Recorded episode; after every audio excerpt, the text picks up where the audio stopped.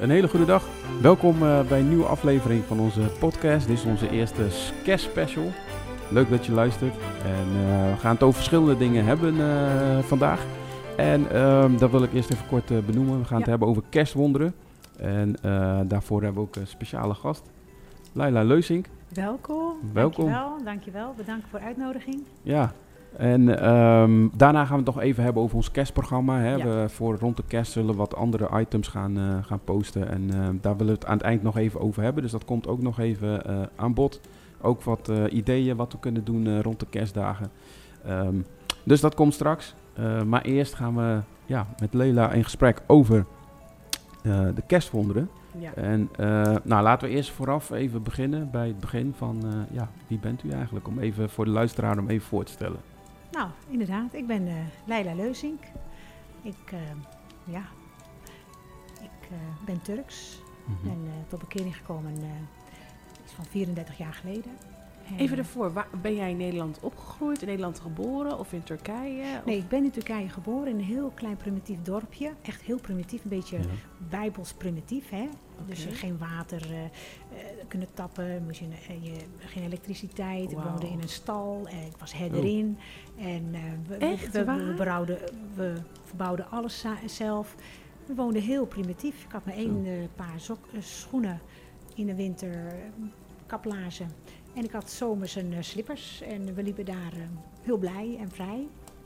Ik was acht toen mijn ouders naar Nederland kwamen. Dus, Wat eh, een on, wat, wat, Zo. zo'n andere wereld dan. Het was heel gek, of niet? Ik vond het verschrikkelijk. Dat kan ik me Ik, eh, voorstellen. het was een trauma van, van eh, heb ik jou daar. ja.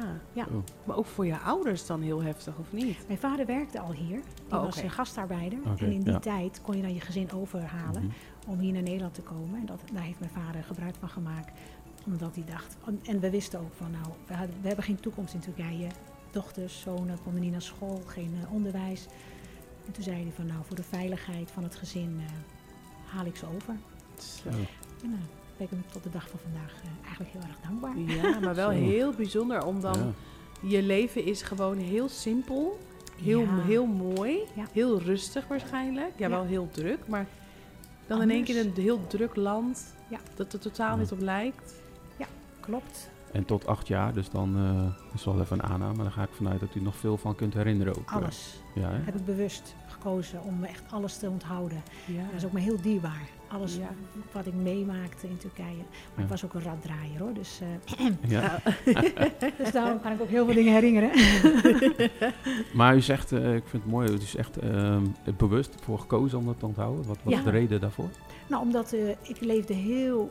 Het was primitief. Het, Mhm. ehm, het, het, ja, het was een soort veiligheid. De manier eh, waarop ik leefde. Het is een nostalgie. Het is een emotionele...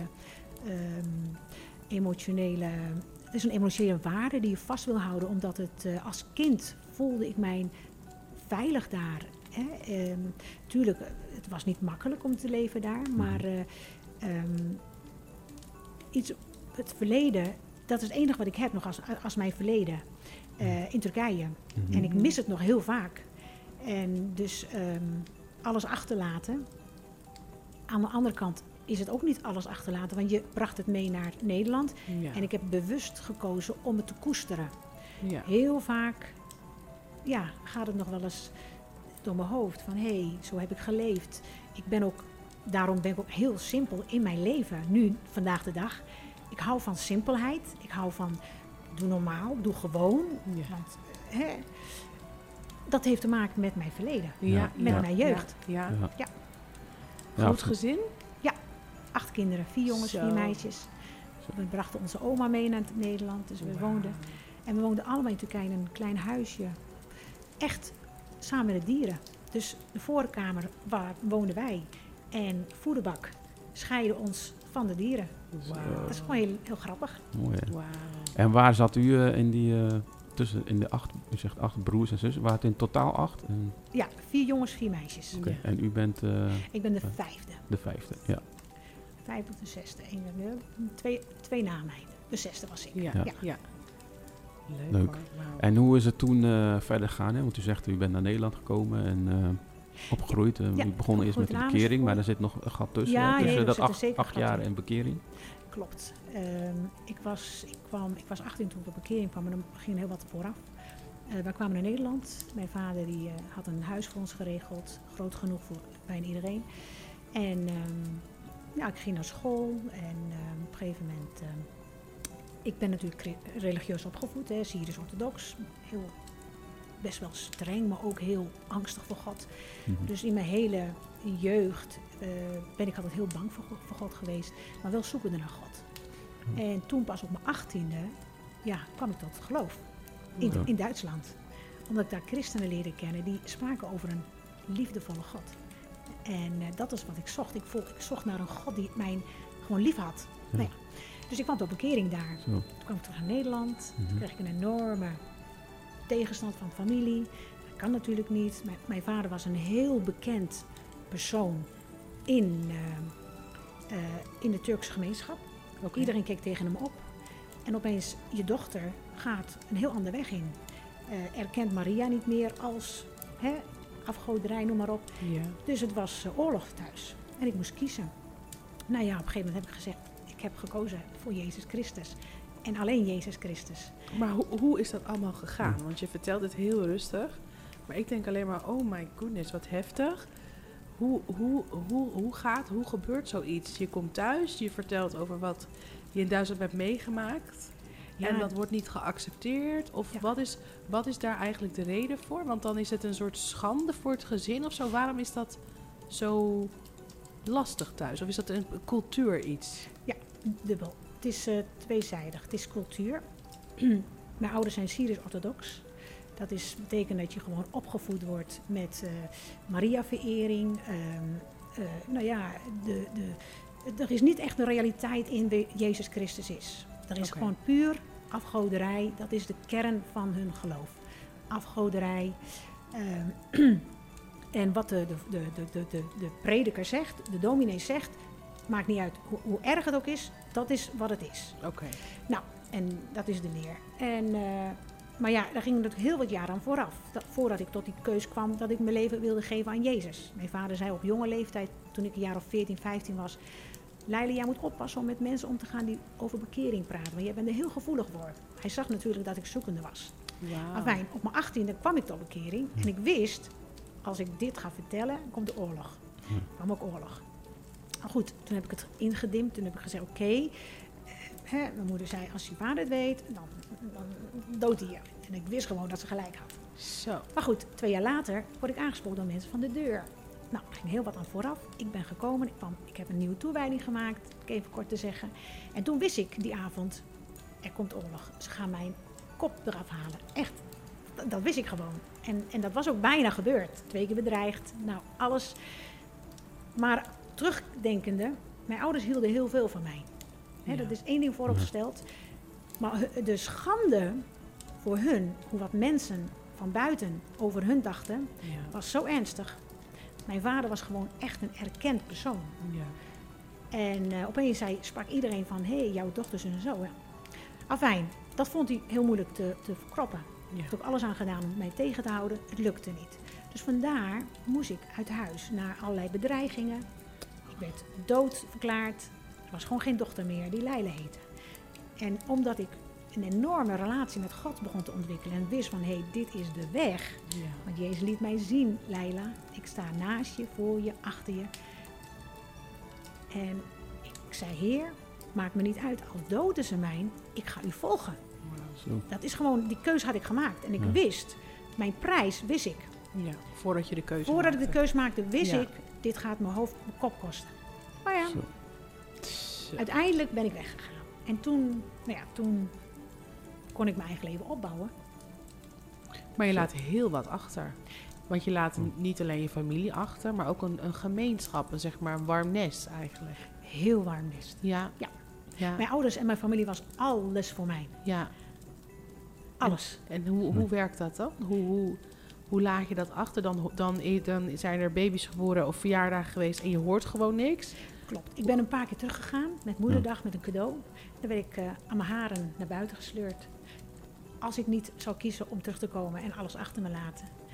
En als ik dan nee zei, dan werd mijn cadeau en mezelf werden we gewoon naar buiten gegooid. Of ik, bracht, ik stuurde rozen op een heel groot bos rozen naar mijn moeder en dat kreeg ik terug. Want je Ach. moeder wilde het niet. Dus ik heb altijd getracht van het goed te maken. Ja, Maar eh, nou ja, zij hadden een keus gemaakt van nee Leila, het is, eh, ja, jij kiest hiervoor en wij kiezen om jou uit ons leven. Eh, en dat is niet omdat ze niet van me hielden. Ze hielden Mhm. zeker van mij. Ze hebben zoveel gehuild ook, geloof ja mij. vreselijke Ja. pijn. Het is ja. gewoon, maar Ze konden niet anders voor hun gevoel. voor hun gevoel. Ja. het was aan de buitenkant, aan de buitenwereld laten zien. Wij maken een statement. Wij laten Leila niet in ons leven als zij gekozen heeft om een andere weg heen te gaan. Tegen ons is het zo. tegen zo tegen ja. de religie. Tegen, Ja. Eigenlijk meer tegen de religie. Ja. Ja, Ja. ja. Ja. Goh. Zo. Ja, ik vind wel, ik denk dat we. Het is wel heel knap om, om hè, want u zegt heel duidelijk van hé, ik wist vooraf, wist ik de prijs al. Dan Ja. maakt u toch die keuze en dan komt ook echt die weerstand. Ja. Ehm, volop en toch dan doorgaan. Dat is wel heel.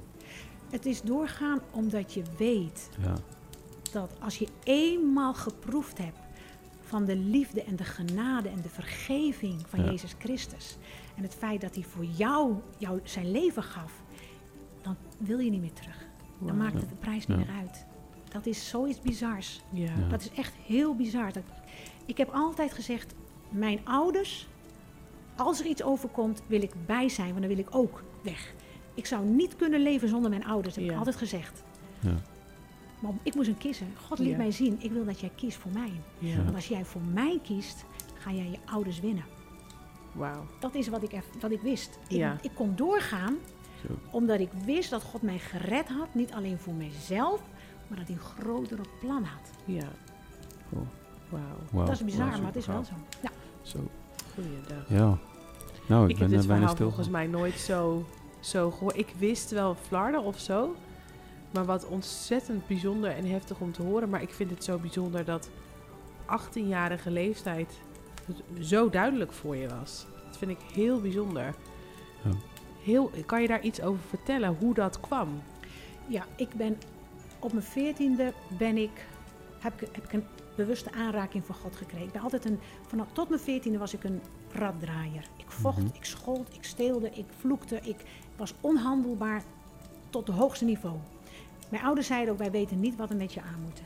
Er was heel veel agressie in mij. Zo. Ik was, eh, nou ja goed, op school, overal. Ik vocht met iedereen. Iedereen die in mijn buurt kwam. Ik trok soms haren uit klasgenoten. En eh, ik was gewoon heel agressief. Er was woede in mij, er was, noem maar op. Op mijn veertiende las ik gewoon de Bijbel uit het niets. En daar sprak God tot mijn hart en liet hij mij zien dat hij bestond. En ik schreeuwde het uit, u bestaat, u bestaat. En toen begon ik te huilen, intens. De realiteit dat God bestond, dat was alles. Verder niks. Ik sliep, ik stond de volgende morgen op. Ik was een totaal ander mens. Ik kan je niet vertellen hoe. Ik stopte met vloeken, schelden. Mijn cijfers van drieën, vieren gingen op naar achten, negens. Wauw. Ik werd op school enorm ijverig gehoorzaam. Later zeiden ze ook, je bent een modelleerling. Mijn ouders door de tijd heen, in mijn tienerjaren, Ja. zeiden van, je bent, je bent voor ons gewoon een heel goed kind. En degene die mij kende als een raddraaier, die hoorde getuigenis van mijn ouders. En die belde vaak van, goh Leila, wat hebben we gehoord? Ik werd getransformeerd.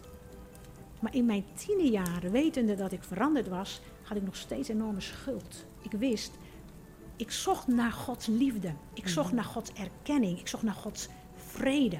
Ja, En ik was altijd met God bezig. ja. Maar uit een schuld. Ik wilde, ik verlangde zo naar God. Ja. Ehm, en toen ik op mijn achttiende naar Duitsland ging en daar christenen tegenkwam, daar ging heel wat aan vooraf. Want ik werd uitgenodigd naar een soort gebedsavond.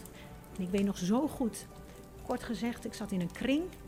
En ik weet nog dat de ene naar de ander begon te bidden. En ik zei, nee, ik ga niet bidden. Ik word niet een van deze mensen. Ik ben anders opgevoed. Op het moment dat die persoon naast mij stopte met bidden, voordat ik wist wat er gebeurde, totaal geen controle over mezelf, viel ik op de grond. Ik begon luid te huilen. En in het Turks begon ik te bidden. Ik zei, God vergeef mij. Ik ben een zondaar. Ik heb u nodig. Kom in mijn hart. Gewoon hardop. En het was zo intens. Het was alsof God me sloeg op de grond. Hmm. En ik voelde op dat moment zo intens de liefde van Jezus Christus. Dat waar ik jaren naar zocht. Ja. Voel, ervaar ik zo dat hij zei, ik heb altijd van je gehouden. En de erkenning, zijn liefde, zijn vergeving. Van binnen voelde ik me zo rein worden. De last van zonde viel van mij af. Ik had de religie gekend. Ja. Maar ik kende Jezus niet als mijn persoonlijke Heer. Als vergevende God. En op dat moment zei ik, oh Jezus, dit wil ik nooit meer kwijt. Mm. Uw liefde voor mij wil ik nooit meer kwijt. Nou ja, goed. En dan, toen begon het hele zoektocht naar door te gaan voor Jezus. En eh, ik kreeg weer een kans na anderhalf jaar. Ik, ik raakte een hele depressie op mijn school, omdat ik gewoon niet wist waar ik heen moest. Ik wilde zo graag met God, maar ik wist niet. Ik had geen kerk, niks. Ik had Nee. de, kerk, de katholieke kerk had ik achter me gelaten. En toen eh, werd ik aangesproken door de mensen van de deur. Wauw. Zo. Ja. Wauw. Wat gaaf zeg. Ik vind het echt een hele mooie, bijzondere ja, ervaring met God. Dus die u heeft gehad. Hè, om, Ja. Het was zijn Eh, liefde en zijn genade. En ja. dat wil ik je wel vertellen. Mocht je weten waarom ik door de jaren heen de persoon ben die ik ben. Ik vergeet gewoon bewust niet de dag dat ik op mijn knieën ging. Ja. Elke dag dank ik hem voor. Dat ik daar op mijn knieën zijn genade en zijn Ja. liefde. En dat houdt me altijd de persoon die ik ben. Nederig, Ja. wetende ik ben niets, maar dan ook niets zonder hem. Ja. Ja, ja, echt super gaaf. Zo. Nou, dit is al hele. get- Ik vind het echt super mooi getuigenis. Ja, ik weet je. ja. Het, is, eh, het is ook deels ook, hè, weet, ik, weet ik wel ook dingen, want we kennen u natuurlijk, hè, voor de mensen misschien niet kennen. Ik vind het zo mooi wat u op een gegeven moment beschrijft, uw puberteit. En dan benoemt u allemaal dingen, hè, dat u zo was.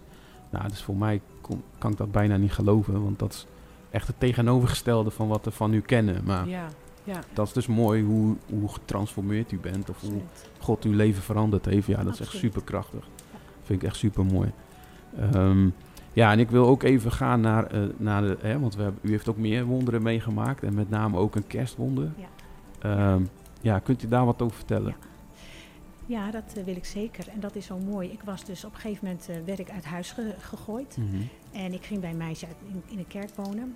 Kort daarna kregen we dus een zeg flatje, een soort studentenflat. Drie meiden in één flat. En eh, nou ja, ik diende God gewoon, ook al was ik uit huis gegooid. Ja. Ik denk, ja heer, ik ga u volop dienen met alles wat in mij is. En, maar toen kwam kerst. De allereerste kerst Ja. dat ik, zonder mijn familie, Ja. en, eh, en ik weet nog dat eh, mijn vriendinnen gingen dus naar hun eigen ouders. En we hadden een gele bank. Echt zo'n hele knusse eh, bank.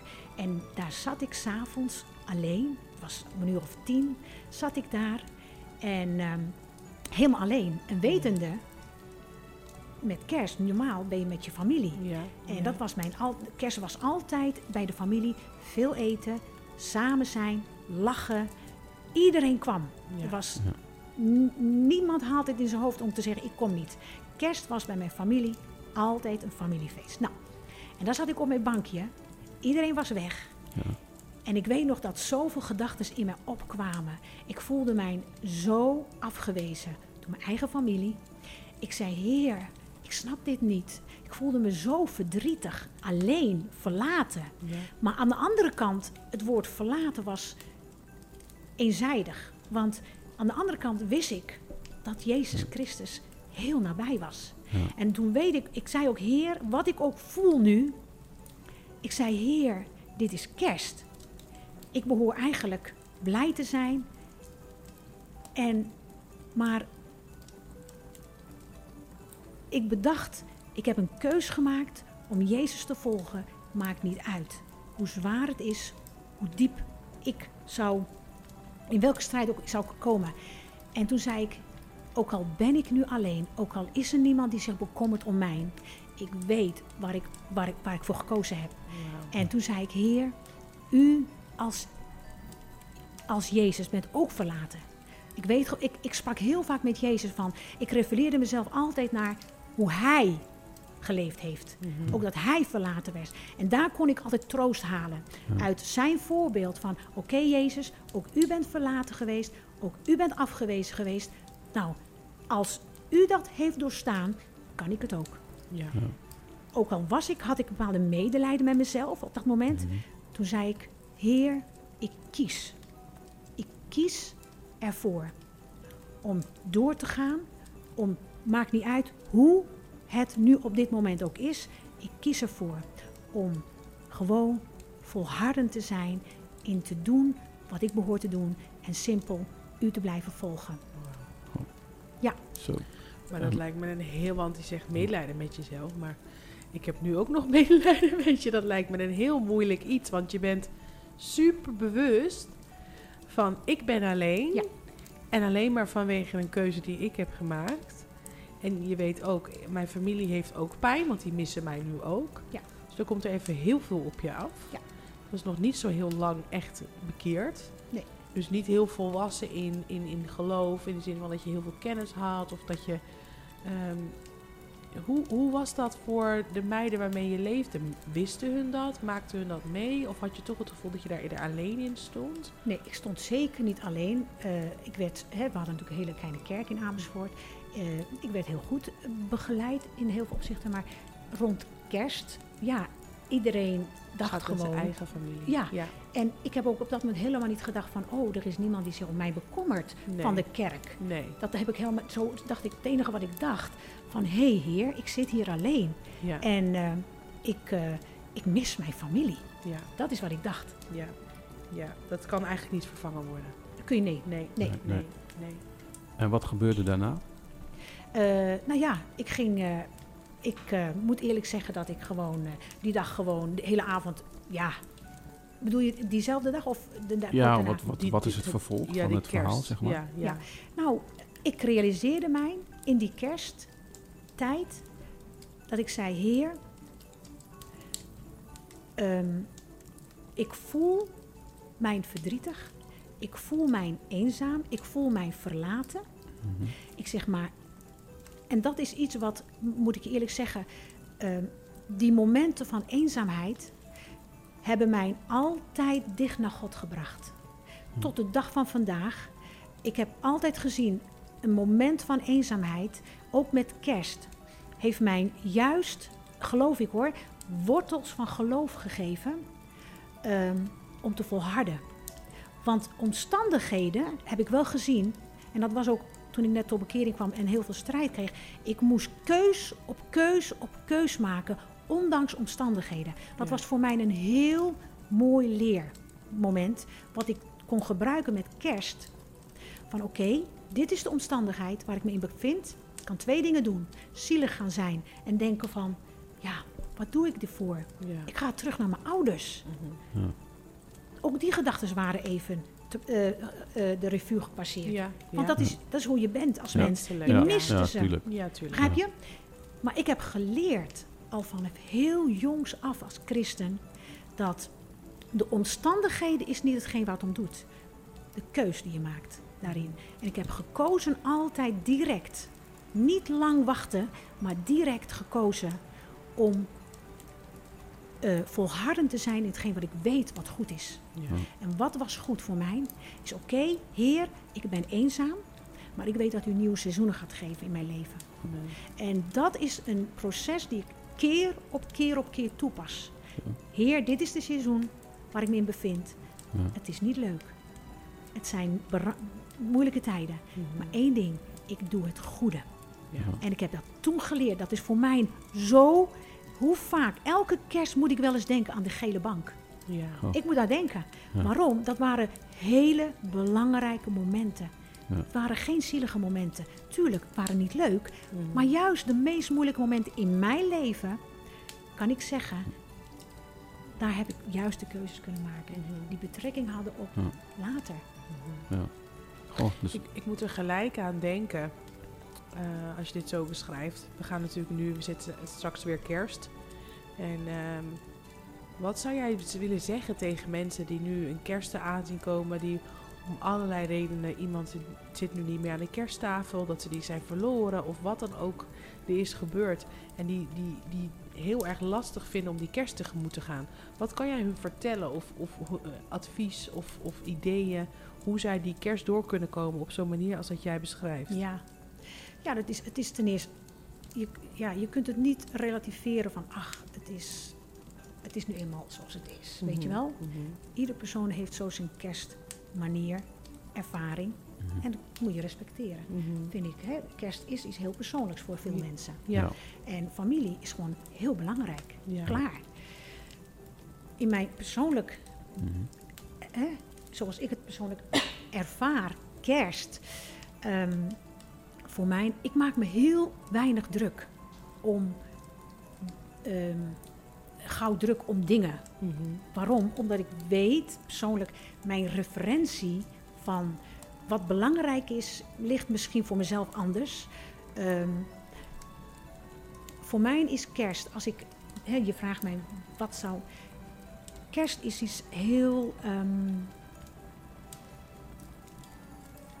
eh, waar ik voor op moet passen, dat ik niet kerst ga zien zoals de wereld het ziet. Als Ja. zijnde van, eh, eh, het is een, een zo- zo- soort fantasiebubbel geworden Ja. van mooiigheid En of perfectheid. droom. Ja. Van, ja. dat, dat, is, dat is iets wat eh, gevaarlijk kan zijn. Want dan worden, je, worden mijn, mijn, mijn hoe zeg je dat, verwachting. verwachtingen zo Verwachtingen, hoog. Ja. En dus voor mij is kerst allereerst, ehm, als ik terugkijk op de kerst, de eerste kerst alleen, zonder familie, zonder iedereen, dan kan ik echt zeggen, het echte kerstwonder wat ik ervaren heb, is dat Jezus mij liet zien, Leila, volhard. Volhard, ook in jouw meest moeilijke tijd. Ja. Ehm, en dat is voor mij een wonder, want ehm, ik had een duister moment.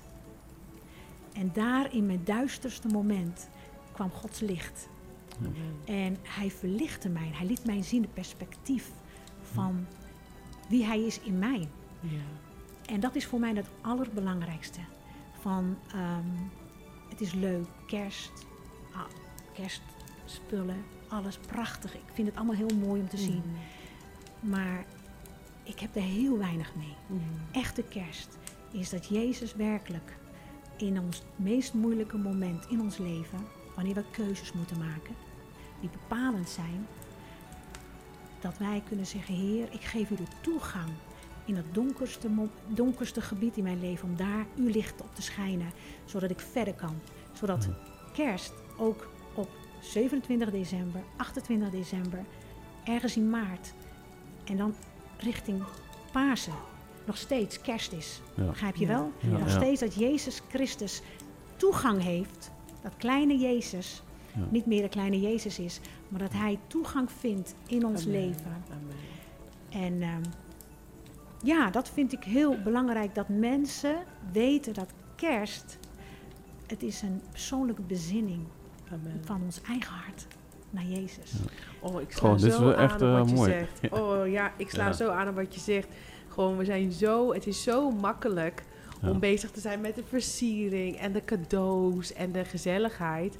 En dat je gewoon ziet dat, er, dat, dat je toch heel makkelijk de wereld daar een vervanging allemaal voor vindt.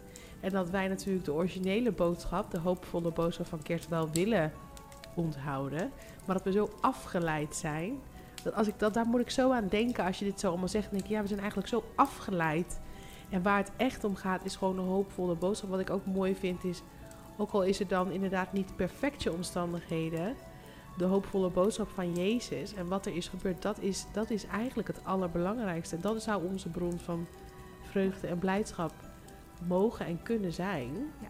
En ja, dat, oh, ik vind het zo mooi hoe je Ja. het vertelt. Ja, je hebt heel erg gelijk. Ja, Ja. het is echt de focus hè, die je legt Ja. en eh, de keuzes die je, die je maakt daarin. Ja. En Ja. ja.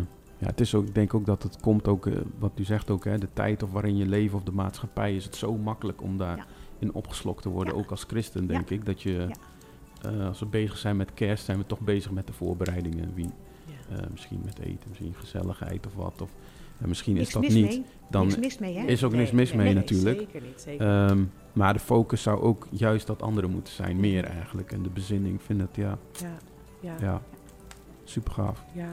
Ehm, zijn er nog meer dingen die u zou willen... Of is er nog iets wat u zou willen toevoegen of willen zeggen of kwijt zou willen? Of, Zo naar de kerst toe. Ja, precies. Eh, nou, wat ik zelf, eh, als ik naga, toen ik tot bekering kwam en eh, ehm, eh, ik heb gekozen voor Jezus. Toen met kerst mijn eerste wonder dat God zei, volhard.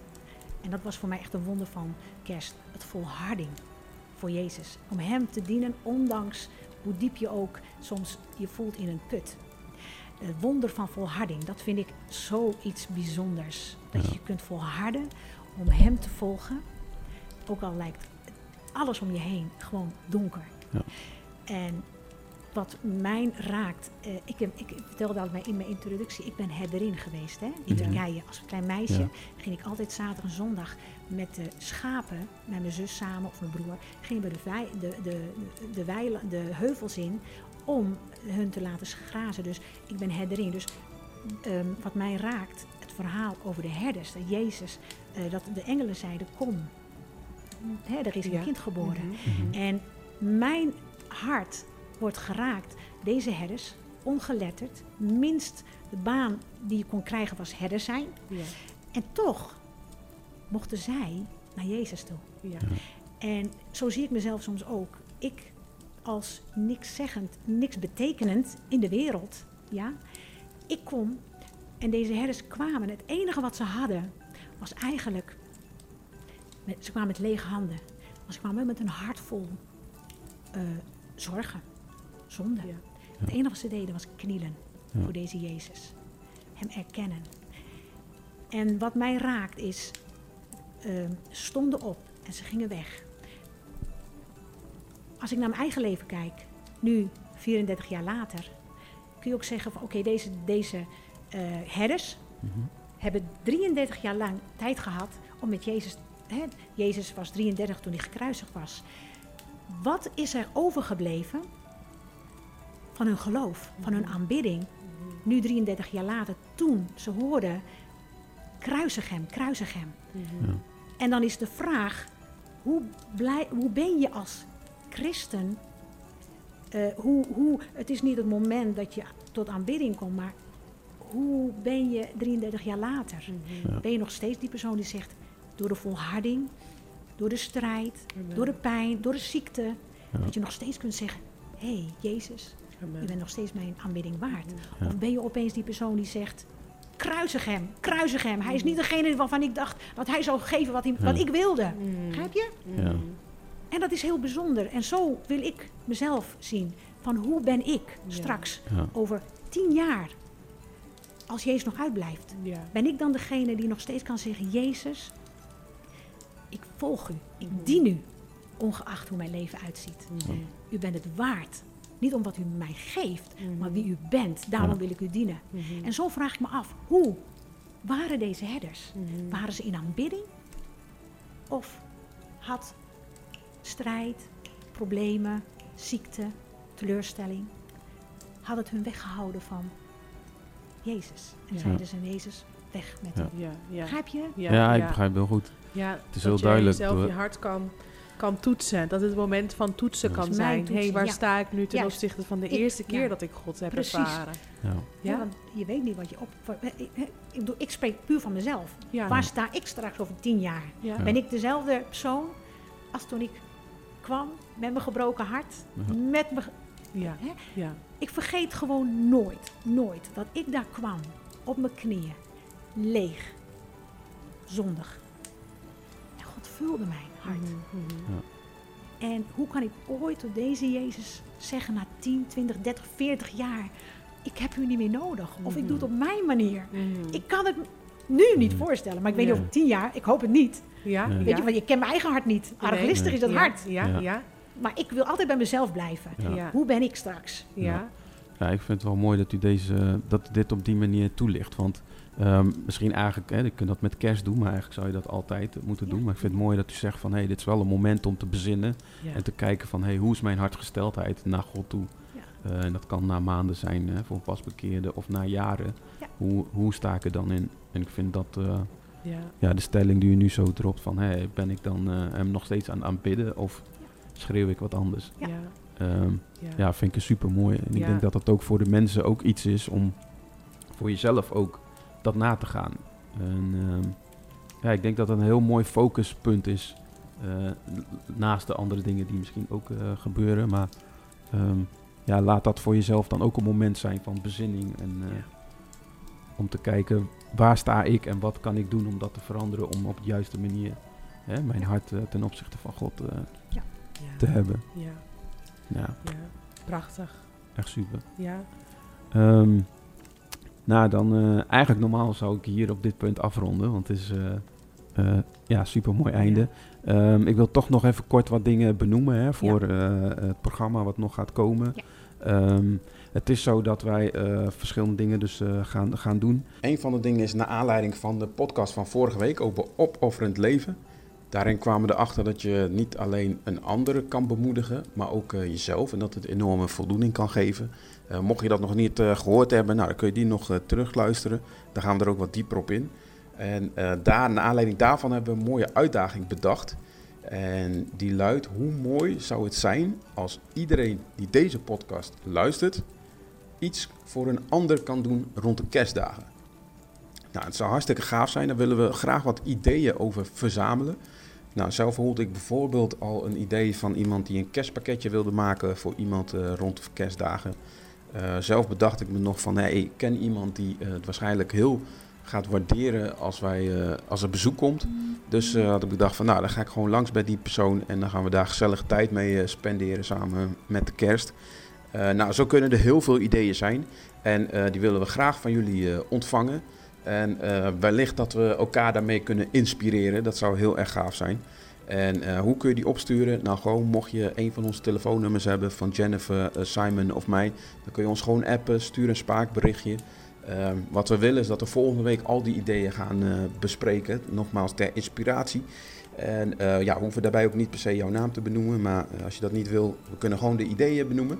En ja, stuur die graag naar ons op.